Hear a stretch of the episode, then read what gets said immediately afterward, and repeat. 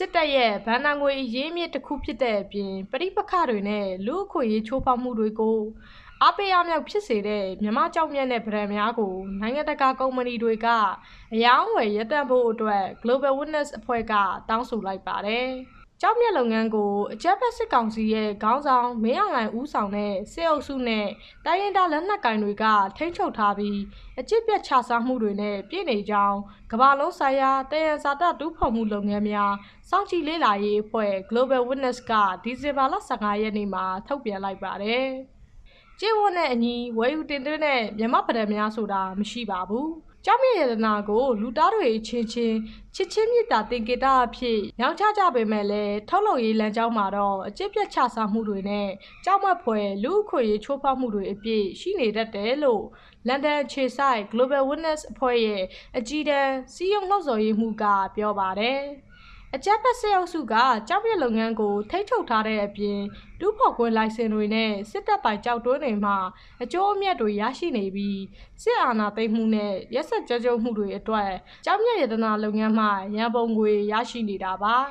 အကြက်ဖတ်မှုတွေနဲ့လူအခွင့်အရေးချိုးဖောက်မှုတွေကိုအားပေးစေတဲ့မြန်မာဗဒံများကို Graph, Bulgari, Van Cleef and Arpels Soft the Beast တို့လိုကဘာကျော်ကြောက်တဲ့နာကုမ္ပဏီကြီးတွေကလည်းရောင်းချနိုင်ခြင်းမြင့်မာပါတယ်။တရားဝင်ကိန်းကနန်းတွေအရမြမကြောက်နဲ့ထုတ်လုပ်မှုမှာတစ်နှစ်လျင်အမေရိကန်ဒေါ်လာ346တန်းမှ415တန်းအထိရရှိနေပြီးလက်တွေ့မှာတော့အဲ့ဒီပမာဏထက်9ဆကျော်တန်ဖိုးရှိနေနိုင်ကြောင်းကိုလည်း Global Witness ကခန့်မှန်းထားပါတယ်။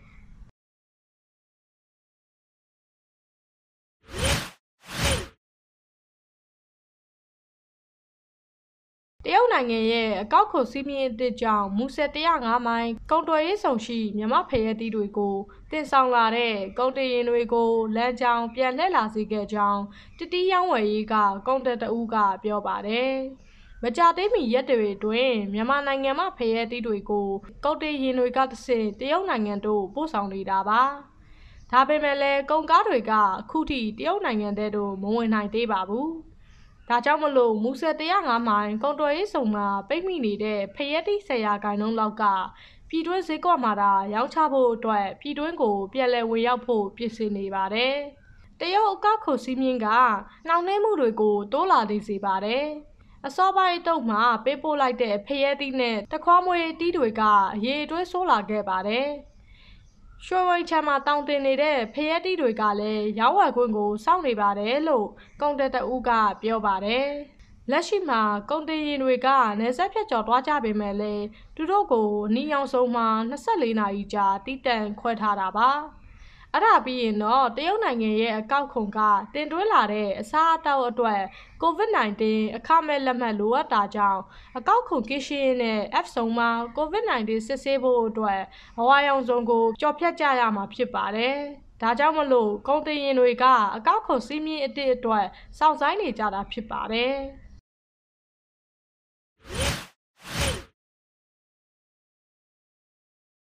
ထောက်ကုန်ရေးတွေးကိုလည်းအာမခံနိုင်တဲ့ digital marketing က property လုပ်ငန်းမှာ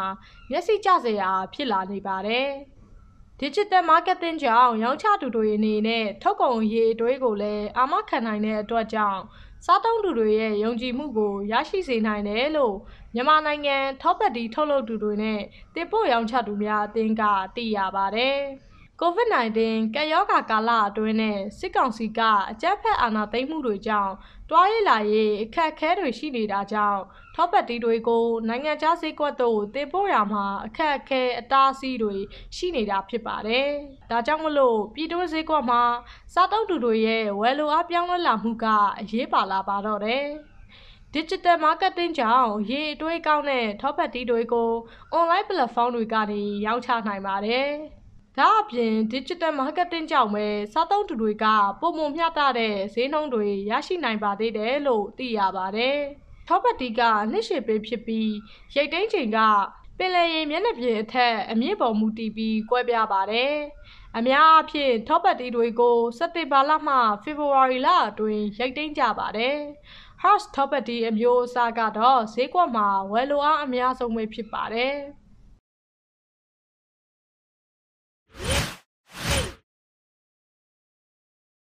ပို့ကုန်နဲ့တွင်းကုန်နှစ်ခုစလုံးကျဆင်းမှုကြောင့်လက်ရှိမီနီဘတ်ဂျက်ကာလရဲ့လွန်ခဲ့တဲ့နှစ်လတာကာလအတွင်းမှာမြန်မာနိုင်ငံခြားကုန်သွယ်မှုတန်ဖိုးက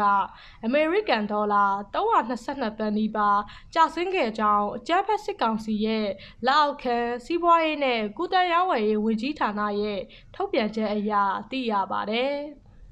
2021 2022ဘာနာနှစ်အတွင်းအောက်တိုဘာလ3ရက်နေ့မှ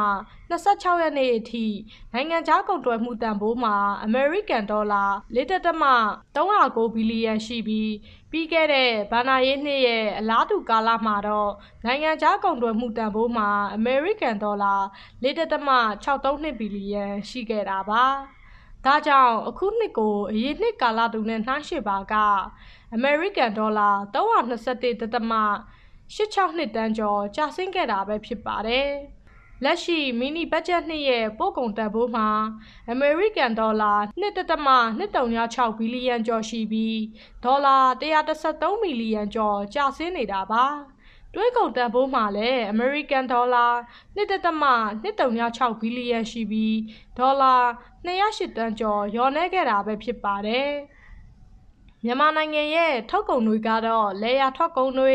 တရိတ်ဆန်ထွက်ကုန်တွေတက်တက်ထုတွေတစ်တောထွက်ပစ္စည်းတွေနဲ့စက်မှုကုန်ကြောတွေပဲဖြစ်ပါတယ်တွင်းကုန်တွေကတော့ကုန်စီတွေစက်မှုကုန်ကျန်းတွေ CMP ကုန်ကျန်းတွေနဲ့လူတုံးကုန်ပစ္စည်းတွေပဲဖြစ်ပါတယ် နှစ်လိုက်မြန်မာနိုင်ငံရဲ့နိုင်ငံခြားကုန်သွယ်မှုတန်ဖိုးမှာ2012 2013ဘဏ္ဍာနှစ်မှာဒေါ်လာ18405.629တန်း2015-2016ဘဏ္ဍာနှစ်မှာဒေါ်လာ29,914.86တန်း2016-2019ဘဏ္ဍာနှစ်မှာဒေါ်လာ29,209.639တန်း 2019-2018ဘဏ္ဍာနှစ်မှာဒေါ်လာ33,588.35နှစ်တန်း2018မီနီဘတ်ဂျက်နှစ်မှာဒေါ်လာ 18,928. ရှစ်တင်၅တန်းနဲ့2018-2019ဘာနာရေးနှစ်မှာအမေရိကန်ဒေါ်လာ35,149တသမ3.1တန်းလိုပဲဖြစ်ပါတယ်။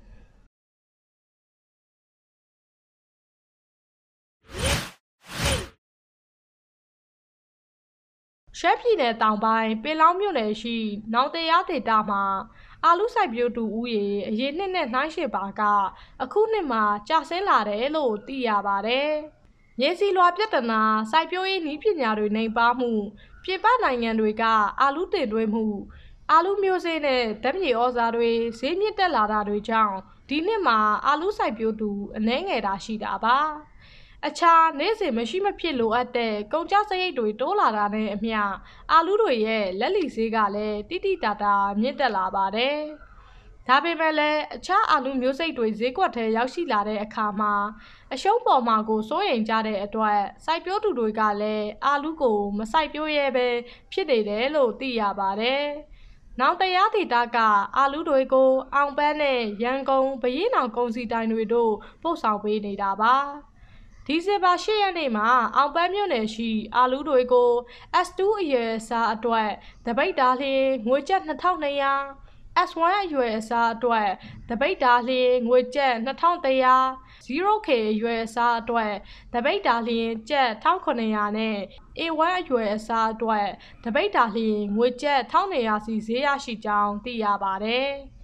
နောင်တရားကမြန်မာနိုင်ငံမှာအာလူအများဆုံးစိုက်ပျိုးတဲ့ဒေတာတွေတဲကတစ်ခုဖြစ်ပါတယ်။အာလူကိုရှမ်းပြည်နယ်မှာမုတ်တုံရာသီနဲ့စောင်းရာသီမှာအဓိကစိုက်ပျိုးကြတာဖြစ်ပါတယ်။တရုတ်ဘက်ကခွန်မဲ့အာလူတွေအများအပြားဝင်လာတာကြောင့်ဈေးကွက်မရှင်နိုင်လို့ပြည်တွင်းအာလူစိုက်တောင်သူတွေက